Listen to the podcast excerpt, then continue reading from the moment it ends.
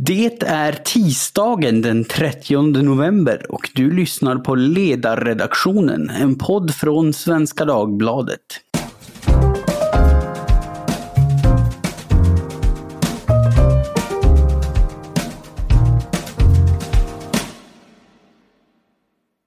Idag pratar alla om vår nya regering, men inte vi för ovanlighets skull. Det finns ju faktiskt frågor som är viktigare än det dagspolitiska, viktigare än den ofta upphåsade striden mellan budgetar och statsministerkandidater, mellan vilka skillnaderna till syvende och sist är ganska så marginella. Det finns frågor som kan vara livsavgörande på ett helt annat sätt än tillkomsten eller avsaknaden av ett nytt jobbskatteavdrag. Och idag ska vi prata om just en sådan. Ämnet för dagen är Ur döden liv, en bok om organdonation som gavs ut på Natur och kultur för några månader sedan.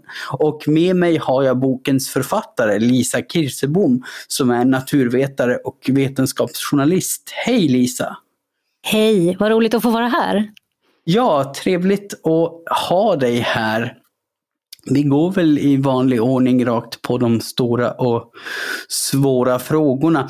Eh, organdonation, eh, det kan ju kanske vid en första anblick kännas som ett lite kallt och kliniskt ämne, men kall och klinisk kan man sannerligen inte beskylla din bok för att vara.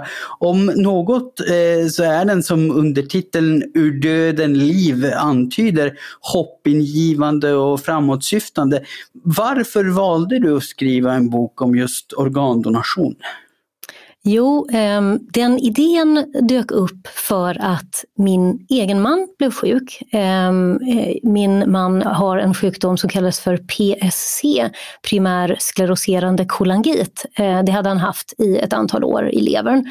Och en dag så fick vi beskedet att den hade utvecklats så illa att han hade fått skrumplever eh, och det skulle han inte kunna överleva om han inte en dag fick en eh, genomgå en levertransplantation.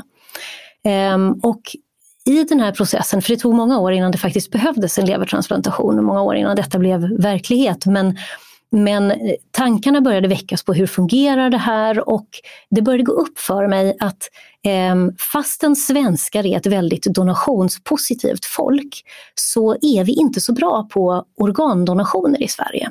Det står många hundra människor i kö för en transplantation eh, och organen tryter. Eh, och vilken vetenskapsjournalist som helst hade väl tyckt att det här var ett intressant ämne. Men eh, jag insåg att jag hade en ovanlig position att skriva om det här. För jag kunde skriva både som just vetenskapsjournalist och eh, skriva om vår personliga upplevelse också. Det får man ju säga, det, det ger boken en lite extra dimension. De här betraktelserna från eran vardag. Det, det ger en, en väldig mänsklighet åt, åt ett ämne som, ja, som jag sa, som många kanske uppfattar som lite kallt. Och det är obehagligt att prata om sånt som mm. har med döden att göra. Och, eh, men Eh, om vi ska ta en snabb blick då på den eh, blickfångande fråga du ställer dig i bokens baksidestext eh, som du tar upp lite här innan vi benar lite mer i den i detalj. Eh, varför är vi inte bättre på organdonation och transplantation i Sverige? Ja, det är en bra fråga och eh, det det märkliga är att svaret ligger någonstans i för att vi inte är tillräckligt uppstyrda kring den här frågan, för att vi inte har tillräckligt tydliga lagar och regler och tillräckligt noga organiserad vård kring det här. Det låter ju ganska överraskande mm. för att vara Sverige faktiskt kan man tycka.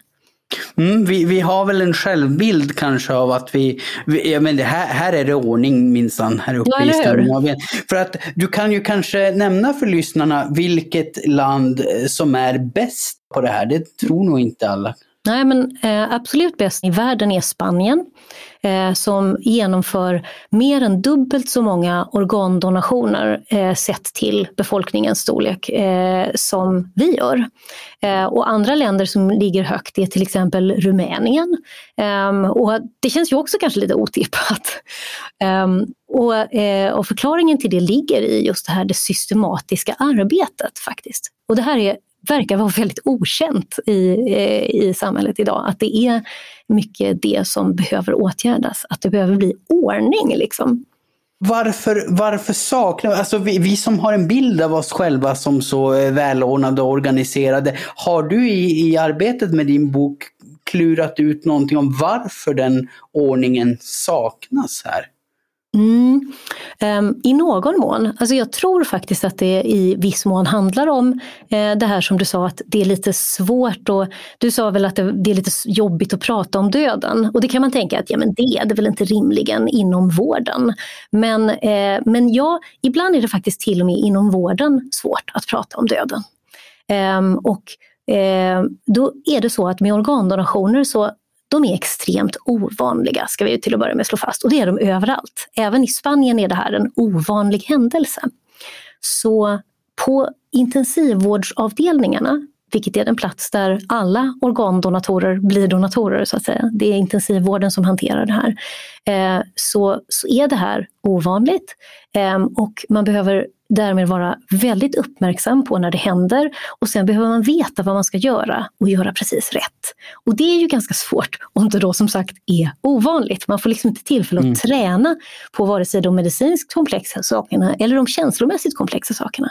Och du nämner det där med, med att det, det, kan vara svårt att prata om döden och vad som händer när vi dör även även i vården. Och tror du att det är en, en, en, en, sak man skulle kunna ändra på? Alltså, något som slår mig som det kanske det starkaste budskapet i boken, det är just det här eh, hur positiv organdonationen faktiskt kan vara. Det, du citerar ju en eh, donationsansvarig sjuksköterska som säger så här att många har trott att vi lägger sten på börda genom att komma med donationsfrågan mitt i familjens kris. Så är det inte. Vi kommer snarare med ett ljus i mörkret och det är vår förbannade skyldighet att göra det. Organdonation är en varm process.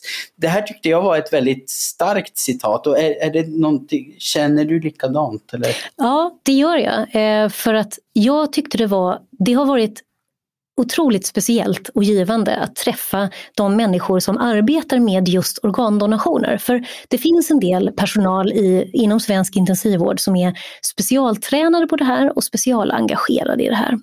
Ehm, och de är ju alltid, det är en, det är en otroligt eh, mänsklig process. Liksom. Det är så himla viktigt hur samtalet genomförs med de anhöriga, hur man förhåller sig till liksom hela frågan. Eh, och det, det finns, jag hörde mängder av exempel på hur, hur väldigt respektfullt och andäktigt det här genomfördes kan man säga. Att man verkligen såg det som att man var inne i en process där man också gjorde det möjligt för den avlidna att få donera sina organ vidare efter döden. För det här görs ju bara om den avlidna vill donera efter döden. Och väldigt många av oss vill det. Så man ser det som en handling av respekt gentemot den avlidna. Eh, så de som är insatta i det och har vana vid det, de tenderar att tänka på det på det här viset. Men de som aldrig har nuddat vid frågan tenderar nog snarare att vara oroliga för att det just ska kännas obehagligt och att det ska kännas som sagt som att man till exempel belastar familjen ytterligare eh, när man pratar om, om organdonation. Mm. Och, och det här kommer då i vägen för att donationer faktiskt blir av? För att, ja. för att läkare undviker att ställa frågan? Ja, det gör det faktiskt. Eh, det kommer i praktiken i vägen därför att det, det, finns, det förekommer fortfarande att man på grund av osäkerhet, osäkerhet om vem som kan bli donator, obenägenhet att ta kontakt med den här specialpersonalen, obenägenhet att tillsätta den specialpersonalen. Eh, bara hälften av Sveriges intensivvårdskliniker kliniker har sån här personal med den här specialkompetensen fast det är tänkt att alla ska ha det. Ehm, så flera av de här sakerna samverkar till att det blir färre organdonationer än det kunde ha blivit. Ehm, och då är det som om man liksom har tappat bort inom intensivvården att ja, men det räddar ju liv. Varje organdonation som blir av, varje gång någon kan bli organdonator, så i snitt så kan man eh, rädda och omhänderta fyra organ från en avliden person. I Sverige är det i snitt fyra organ. Det kan vara så mycket som åtta som går vidare till andra människor och räddar livet på dem, fast på ett annat sjukhus i allmänhet. Och det verkar faktiskt som att det uppstår lite av ett liksom tankemässigt och känslomässigt glapp där som gör att frågan känns kanske jobbig men också kanske inte riktigt lika angelägen därför att den patienten som ska få organet, den vars liv räddas, den är ju inte precis där. Den ligger inte i en sjukhussäng där. Nej, Nej. Och, och, och, det blir svårt då för, för ansvarig personal att motivera att lägga resurser Precis, många upplever det som, verkar uppleva det som svårt, vilket ju egentligen är helt orimligt. Därför att eh, då är det, ju, det är ju som om tanken då stannar vid att eh, ja, men ska vi hålla på här och ta hand om den här personen som är på vä- just ska till att avlida eller har avlidit, ska vi liksom lägga en massa resurser på den? Ja men det är ju för att resurserna kommer de där fyra eller åtta andra människorna till godo. Man måste ju liksom vidga det till att det är faktiskt det det handlar om. Det handlar ju om att man i förlängningen ska få transplantationer att bli av. Ehm, och det är som att man inte ser det tillräckligt tydligt. För det är riktigt att det blir en resursfråga ibland också. Mm, mm. Och är, är det då någonting man har lyckats hantera exempelvis i Spanien? Att det finns en större medvetenhet där? Eller hur, hur har man löst den? Mm. ja, men det är så det har, det har eh, beskrivits för mig. Jag åkte till Spanien och träffade eh, dels personer på ett sjukhus som arbetar med det här och dels eh, chefen för den eh, spanska transplantationsorganisationen, vilket i praktiken också betyder, även om det inte hörs på namnet, att de har ett slags övergripande ansvar för att donationsverksamhet fungerar ute i, i landet också. Eh, och eh, jag fick det väldigt tydligt beskrivet för mig att det handlar om ett långsiktigt arbete där de har fått intensivvården djupt involverad i det här och sett till att varje sjukhus som kan genomföra organdonationer har personal som har specialkompetens, sprider kunskapen bland sina kollegor, håller och håller koll på frågan eh, kunskapsmässigt och liksom uppmärksamhetsmässigt. Att vi måste vara observanta på att i det här här och det här och det här läget kan kanske en organdonation bli möjlig. Då ska vi höra oss för eh, med familjen, för det är i allmänhet så det blir då, om den här personen kunde tänkas vilja, vilja donera sina organ. Och om svaret är ja, så går man vidare och genomför en organdonation om så är möjligt. Mm. Så, så, så det handlar alltså om att i högre grad se till att alla situationer som skulle kunna leda till organdonation faktiskt gör det. Precis, att man utforskar den möjligheten. Eh, och det är viktigt att understryka att det är ingenting som i sig liksom ligger i vägen för att ge god vård till patienten som patient. I själva verket tvärtom. Det finns ju också en person i min bok som har forskat på det här och arbetat med det här som säger att eh, som liksom på, på skämt men på allvar säger att hon för egen del önskar att om hon kom in i mycket dåligt skick till en intensivvårdsavdelning så hoppas hon att de ska ha organdonation i åtanke. Därför att då vet hon att då måste man ges helt perfekt vård. Det är liksom inte så att man slarvar med i de fallen utan man ger liksom samma intensivvård eh, men undersöker vissa faktorer, undersöker till exempel om viljan är positiv eh, för att veta hur man ska gå vidare sen. Men det är inte så att man vårdar sämre, verkligen inte. Nej, för att det, man kan väl tänka att det, att det är en sån här känslomässig farhåga som, som dyker upp. Att, att, att vi skulle förvandlas till någon slags mänskliga reservdelsbilar, mm. om man säger. Och, och att, att reaktionen då blir att wow, här, här kom det en som vi kan plocka schyssta.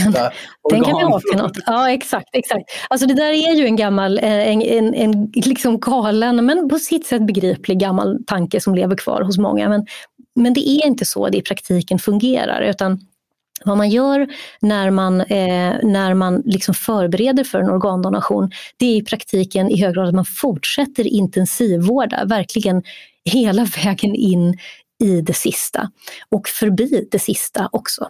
Eh, det, skillnaden är, är ofta i praktiken att när man, om en person inte ska bli organdonator, när man då avbryter all vård som liksom tar hand om kroppen och snarare och övergår till att helt och hållet ge eh, vad som kallas för palliativ vård, lindrande vård i, i döendet. Eh, I det skedet så fortsätter man att ge, så ger man lindring, men, eh, den lindring som behövs, men man fortsätter att hålla liksom, kroppen i skick helt enkelt under det att eh, en organdonator avlider. Så man måste liksom fortsätta att omsorgsfullt vårda samtidigt som döden inträder. Eh, och när en person som ska bli organdonator faktiskt avlider, då fortsätter man också att ge kroppen vård. Eh, man kan, det här kallas för organbevarande vård eh, eller organbevarande behandling. För det handlar om att eh, organen kan inte vara utan syre och näring. Så man kan liksom inte bara lägga ner och låta kroppen dö utan någon hjälp eller någon stöttning för organen, för då blir de förstörda och det går fort. Eh, om jag eh, tolkar dig och boken rätt, e-, ett av de stora hindren är liksom organisatoriskt. Folk eh, i vården vet kanske inte var de ska vända sig, var resurserna finns för att få till stånd en donation. Personal som ställs inför att ställa frågan kanske inte är tillräckligt förberedd på det och så vidare. Finns det några andra som du ser det viktiga praktiska hinder för, för donation och transplantation? Situation som man skulle kunna eh, undanröja i Sverige idag? Ja, för att det här ska bli, eh, för att det ska bli så här välstrukturerat, för att vårdpersonalen ska känna sig så trygg som den behöver känna sig i att arbeta med den här frågan. Så, så dels var det som sagt det här med, att, med kunnig personal, personal med specialkompetens eftersom alla kan kanske inte riktigt ha specialkompetens i en fråga som på vissa ställen faktiskt bara blir aktuell vartannat år eller så. Eh, för så sällan kan det vara. Ehm, så så special, specialkompetent personal som kan stötta de övriga. Eh, tillräckliga resurser för att man inte ska behöva göra den här avvägningen, ska vi verkligen hålla på och vårda på det här viset eh, när det är någon annan som kan komma in och behöva intensivvård? Eh, det är två frågor. Och en är att, vara, att ha helt klara lagar och regler för hur man får och ska vårda i det här läget. Och det är det på väg att komma ny lagstiftning kring. Och det har varit efterfrågat i många år av vården. Eh, så det har verkligen dragit ut på tiden men är äntligen på väg. Efter två statliga utredningar som båda har rekommenderat detta och efter en lång process med ett lagförslag som lades förra hösten och så sen drogs tillbaka i precis sista minuten för ett förtydligande. Och nu ligger det ett nytt lagförslag på bordet som är ute på remiss nu fram till årsskiftet. Det lagförslaget handlar då om just den typen av, av underlättande som du, som du mm. tar upp här. Det handlar om flera saker, men en, en viktig, väldigt central fråga är den så kallade organbevarande behandlingen eh, under en specifik del av den här processen. Eh, om man ska vara lite teknisk så handlar det om vad får och ska man göra från det som inom vården kallas för brytpunkten. Eh, det betyder när den medicinska personalen bedöm, avgör att nu vi kan inte rädda den här patienten. Det här kommer inte att gå. Eh, och det finns väldigt tydliga liksom, protokoll för hur man gör det. Eh, att man gör bedömningen att det är ingen mening att fortsätta vårda, att fortsätta ge eh, vårdande, behandlande insatser liksom, för att patienten kommer att avlida. Eh, från den punkten och fram till att patienten faktiskt avlider har det varit något av en gråzon vad personalen kan och får göra. Och om den här som är på väg att avlida, om den människan ska kunna bli organdonator, då måste personalen göra någonting i den här, eh, det här eh, liksom tidsspannet emellan. Man kan inte göra inget. För som jag sa, Gör man inget, låter man bara saken bero, så kommer personen då att avlida. Eh, men det gör den oavsett.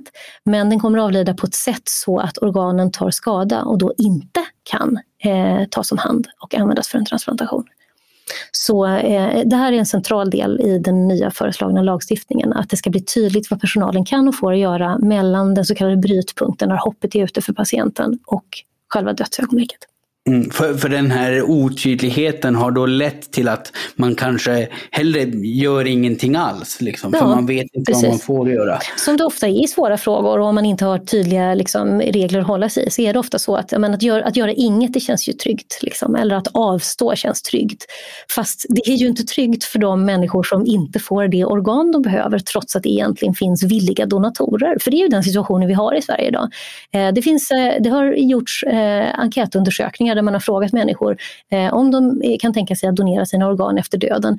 Och de, de har landat på i storleksordningen 9 av 10 ja. Att så vanligt är det att människor säger ja men det låter som en bra idé, det, det kan jag göra. Eh, och ändå så eh, ligger vi i den nedre hälften av Europas länder eh, vad gäller hur många organdonationer vi lyckas åstadkomma. Det är liksom oacceptabelt därför att det leder i praktiken till människors död. Ja, och, och, det, och det finns väl en, en ljusning då i det, i det här nya lagförslaget. Men, men man, när man läser din bok så får man ju bilden av att fokus har väl legat i, kanske i den politiska och i den allmänna debatten lite fel. Alltså man, har, man har trott att det handlar om att just öka folks vilja att dona, eh, donera, faktiskt få in folk i donationsregistret. Men det är inte alls där skon har klämt. Nej, det skulle man kunna säga. Det var vad som klarnade för mig när jag arbetade med den här boken, att det är i sammanhanget en ganska liten fråga. Vi kan ju passa på att slå fast att det är alldeles utmärkt att skriva in sin vilja i donationsregistret. Det tycker jag alla bör göra. Eh, det är lite grann som att tänka på sitt testamente eller liksom annan sån efter. hur vill jag att det ska bli eh, när jag dör? För det underlättar till exempel enormt för de anhöriga. Eh, och i det här fallet, om man skulle kunna bli organdonator, så underlättar det också för vården. Självklart ska man skriva in i donationsregistret sätt om man vill eller inte vill bli organdonator. Man kan nämligen registrera båda det. Ehm, och eh, det är mycket enkelt gjort. Man googlar och, letar sig, och kommer till rätt sajt och använder sitt bank-id. Bara punkt. Så, så det är bra, det ska man göra. Men eh, det är precis som du säger inte en avgörande fråga. Utan eh, det spelar de, dels för att man måste faktiskt inte vara i donationsregistret för att kunna bli organdonator. Vi har i Sverige sedan länge en lagstiftning som, eh, som eh, beskriver vad som kallas för förmodat samtycke. Det är ganska vanligt i Europa, det är många länder som har det. Eh, som betyder att har man inte uttryckt i någon form ett nej, har man inte visat sig negativ, så förmodas man vara positiv. Eh, så att eh, därför så tittar man först i registret och om personen inte har noterat någonting alls där eh, så frågar man öppet de anhöriga vad de tror att deras anhöriga ville. Och om de säger att eh, de tror att eh, personen eh, ville, eller de vet ingenting negativt i alla fall, eh, så räcker det rent juridiskt. Så därför, så sagt, så det första är att man behöver inte vara, det, det behöver inte vara en person inskriven i donationsregistret för att den ska kunna bli donator. Men det andra, som är minst lika viktigt, är att det räcker ju inte heller med att man är i donationsregistret. För alla de här sakerna du och jag redan har pratat om, de behöver ju också hända. Det spelar väl ingen roll om så alla hade varit i donationsregistret om ändå inte vården tar hand om de möjligheter som finns när de kommer. Nej, precis. Och det, det, där tyckte jag var, var intressant eh, att läsa som ledarskribent. Att det, det, har ju lagts politiska förslag på området som man väl, om man ska vara snäll, får säga har varit illa grundade. För det, det har liksom lagts förslag om att lösa ett problem som inte finns. Vi har redan det här antagandet om ett ja och mm. ändå har det kommit politiska förslag om att vi ska fixa det. Precis. Ja men verkligen, och det tycker jag det, det är faktiskt eh, bara oursäktligt. det, man vill ju gärna tro att politiska förslag som läggs, de grundar sig kanske i och för sig i, många gånger i olika politiska så att säga, åsikter och inriktningar, men de grundar sig ju i fakta i alla fall, vill man tro, så ofta som möjligt. Men i det här fallet så har de ofta inte gjort det. Utan de, har, de som har skrivit förslagen har i praktiken varit helt ute och cyklat och sagt att vi borde göra si, vi borde göra så, helt ogrundat i hur det redan ligger till. Eller så har man refererat till andra länder på ett helt felaktigt vis. Till exempel sagt, ja men Spanien, de har ett sånt här registersystem. De har ett register där alla är med. Eh, det är därför det funkar så bra. Nej, det har de helt enkelt inte. Jag frågade. Och den här eh, organ, organdonations Chefen bara viftar med händerna, äh, puff, liksom. registret, att det är nästan inga som skriver in sig där. De har typ lägre inskrivningssiffror än i Sverige. Så, så precis som här så är registret liksom bara en möjlig informationskanal de har inte ett annat system. De jobbar precis som vi vad gäller just samtycke och vad gäller förankring med familjen och så. Det är bara det att själva vårdandet är mer systematiserat. Och det borde ju inte ha varit så att den här frågan om hur registret ska se ut har fått stjäla, eh, stjäla uppmärksamheten så länge när det är de här nu kommande lagförslagen som faktiskt egentligen har behövts. Eh, så, men det är en ljuspunkt att det är på gång och det är en ljuspunkt att det är på väg att rullas ut. Eh, börjar nu användas en ny donationsmetod i Sverige så vi behöver inte bli tekniska med det men det kommer att göra det möjligt för än fler eh, människor att bli organdonatorer vilket är väldigt positivt. Mm. Men, men, men tror du att just det, du, du, du, du sa just nu att ja, vi behöver inte bli, bli tekniska här, men, men tror du att just det faktum att det är ett komplicerat ämne, att, att det kan ha bidragit till att politiker går ut och liksom bara drar till med någonting? För att de, de, har, ja, men de har en känsla av att området är viktigt, de vill vet, visa handlingskraft, mm. men de vet kanske inte riktigt hur. Nej, men kanske lite. Eller i alla fall att man, liksom, det är kanske inte så att man aktivt har undvikit kunskap. Men man har liksom blicken fastnat på något som man har tänkt att det där ser ju verkligen ut som att det är skälet. Kan vi inte fixa det? Fast om de hade frågat någon som kunde frågan så hade de snabbt fått samma svar som jag fick alla de gånger jag ställde frågan, nämligen nej, nej, alltså det är inte det där vi behöver fixa i första hand. Och då hade de i förslagsvis kunnat gå vidare med någon an, något annat politiskt förslag kan man tänka sig. Ja, ja och det, det, det där tycker jag är viktigt att föra fram. För vi, vi, pratade om just den här frågan innan vi började podda och att vi inte skulle fast, fastna i liksom pajkastning och bara slängigt säga att haha, titta, titta vad dumma de där politikerna är. Men jag tycker att det är intressant och jag tycker att det är intressant att fråga dig som vetenskapsjournalist också. För att jag upplever också att ja visst, man vill ju anta att de skillnader skillnader som finns, de debatter som förs på, på det politiska området, de kan grena ut på grund av åsiktsskillnader, men de grundar väl sig åtminstone i samma fakta. Men så är det tyvärr inte alltid, utan jag upplever att det finns ganska många områden där man liksom man går på lågt hängande frukt och säger mm. någonting som man tycker eh, låter bra, när man hade kunnat ställa en ganska enkel fråga och på, på, med grund i det bedriva en betydligt mer konstruktiv politik. Precis. Ja men så är det nog ofta. Och, och det, är ju, det är ju sorgligt naturligtvis. Ehm, sen i just det här fallet så, så någonting som kan nämnas är att det för, har också förekommit flera gånger politiska förslag som handlar om att det ska bli enklare att anmäla sig till donationsregistret. Framförallt att det ska bli enklare att komma ihåg att göra det. Att det skulle kunna systematiseras det också, nämligen att man till exempel i samband med deklarationen eller att man ska få körkort eller sådär, att man då skulle liksom påminnas om att man bör ta ställning. Och Det tycker jag låter väldigt positivt för att det är naturligtvis jättebra att människor tar ställning. Därför att det absolut enklaste, om man nu väl identifierar att någon någon skulle kunna bli organdonator om man ser det i vården och så kan man gå in och titta i donationsregistret och se att kolla, den har talat om hur den vill ha det. Det är naturligtvis jättefördelaktigt, det är ju ingen tvekan om det. Nej, precis. Det låter som något som verkligen kan underlätta och som vore ganska billigt och enkelt att genomföra nu när alla har sådana här e-brevlådor och bara kan precis. få det med. Vi kan ju börja med att alla som lyssnar på den här podden går in och anmäler sig i sin vilja om de inte redan har gjort det. Ja, det får ni, det får ni jättegärna göra. Det, det är eh, precis som Lisa säger jätteenkelt. Man bara loggar in med sitt BankID och klickar i vad man vill och så är det klart. Och så kan man känna sig lite extra nöjd. Eh, ja, eh, men då börjar vi närma oss halvtimmesträcket här. Finns det något särskilt i, i sakfrågan som du vill tillägga för våra lyssnare innan vi börjar runda av? Det skulle väl vara då att att jag tror att det är viktigt att vi orkar och vågar tänka på döden.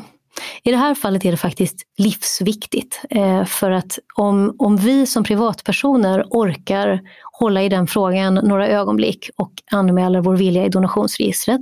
Och om vårdpersonalen orkar hålla i den frågan några ögonblick och tänker på hur de ska agera och reagera eh, om de ställs inför en situation där någon kan bli organdonator, då kommer det faktiskt att rädda liv. Men det har också den bonuseffekten att när vi tänker på sånt så tänker vi kanske eh, mer på hur vi vill leva våra liv under den tid vi har kvar. Och det är någonting som man, som man ställs inför när man, Eh, som i, i min familjs familjesituation när vi behövde då vänta på en organtransplantation, en levertransplantation för min man, vilket han fick för ett år sedan. Eh, och han är mycket friskare idag och det är fantastiskt. Och det får, en att, eh, det får en lite att se på livet med en ny blick och fundera över om man sysslar med det som är viktigt. Det tror jag också en effekt det kan ha. Ja, jo precis. Det, Steve Jobs sa väl det, forne Apple-VDn i sitt tal till avgångselever på Stanford, att döden är livets bästa uppfinning. Just därför att den, den, den, påminner oss om att ja, men vi kan inte bara söla bort våra dagar. Vi har, mm. vi har en begränsad tid och vi, vi bör utnyttja den på, på bästa möjliga sätt. Eh, mm. Och, och, jag tyckte, som jag sa, jag, jag tyckte att det här just att lyfta organdonationen som någonting positivt, någonting eh, varmt och, och eh, djupt mänskligt tror jag är väldigt viktigt. För att jag personligen, när jag redan som liten så var jag liksom paniskt eh, rädd för döden men jag, jag lyckades inte tro på Gud hur jag än försökte, även om det lät bekvämt. Så den enda tröst jag såg liksom, det var att ja, men om man dör då kan man ju åtminstone komma till nytta för någon annan. och och jag, jag tror att det är fler som kan se det så, även om det kan låta lite krast. Jag tror absolut det och jag tycker inte heller att det är så väldigt krasst utan att det är djupt mänskligt och oerhört generöst att tänka så. Eh, och eh, i den respons som jag har fått på boken, jag har fått, det har varit jättemånga eh, fina kommentarer från människor jag känner och människor jag inte känner som har läst den. Men, men en av de kanske allra mest hjärtevärmande, det var en kvinna som jag inte känner som hörde av sig för att tala om att hennes mamma gick bort i våras eh, och hon saknade henne oerhört. Men mamman hade blivit blivit organdonator och eh, den här kvinnan var så stolt över sin mamma. Och hon skrev att hon hade blivit tröstad av att läsa min bok och få en ännu starkare upplevelse av vad det kunde betyda för andra människor att mamman hade gjort det här valet. Avslutningsvis då en sista fråga. Vem vill du ska läsa den här boken? Alla Tack! Nej, men det hade varit härligt. Alla. Men, eh, men det är naturligtvis också, eh, om, den kanske gör störst skillnad om den läses av många in, som arbetar med intensivvård och många som arbetar med vård överhuvudtaget. Men, men jag vill ju att så många som möjligt ska läsa den. Det hoppas jag att de gör också. Förstås. Ja, men tack så mycket för det. Med de orden så får jag säga tack till dig Lisa Kirsebom för att du ville medverka i dagens avsnitt av Ledarredaktionen. Tusen tack för att jag fick vara med. Tack också till alla lyssnare. Har ni andra förslag på livgivande eller dödsviktiga ämnen eller bara något givande att säga oss om poddens innehåll så nås vi lämpligast på ledarsidan snabel svd.se. Producent, det är som vanligt jag, Jesper Sandström och vi hörs förhoppningsvis snart igen om inte elen har hunnit bli så dyr så att ingen längre har råd att lyssna på poddar. Tack för idag och hej då!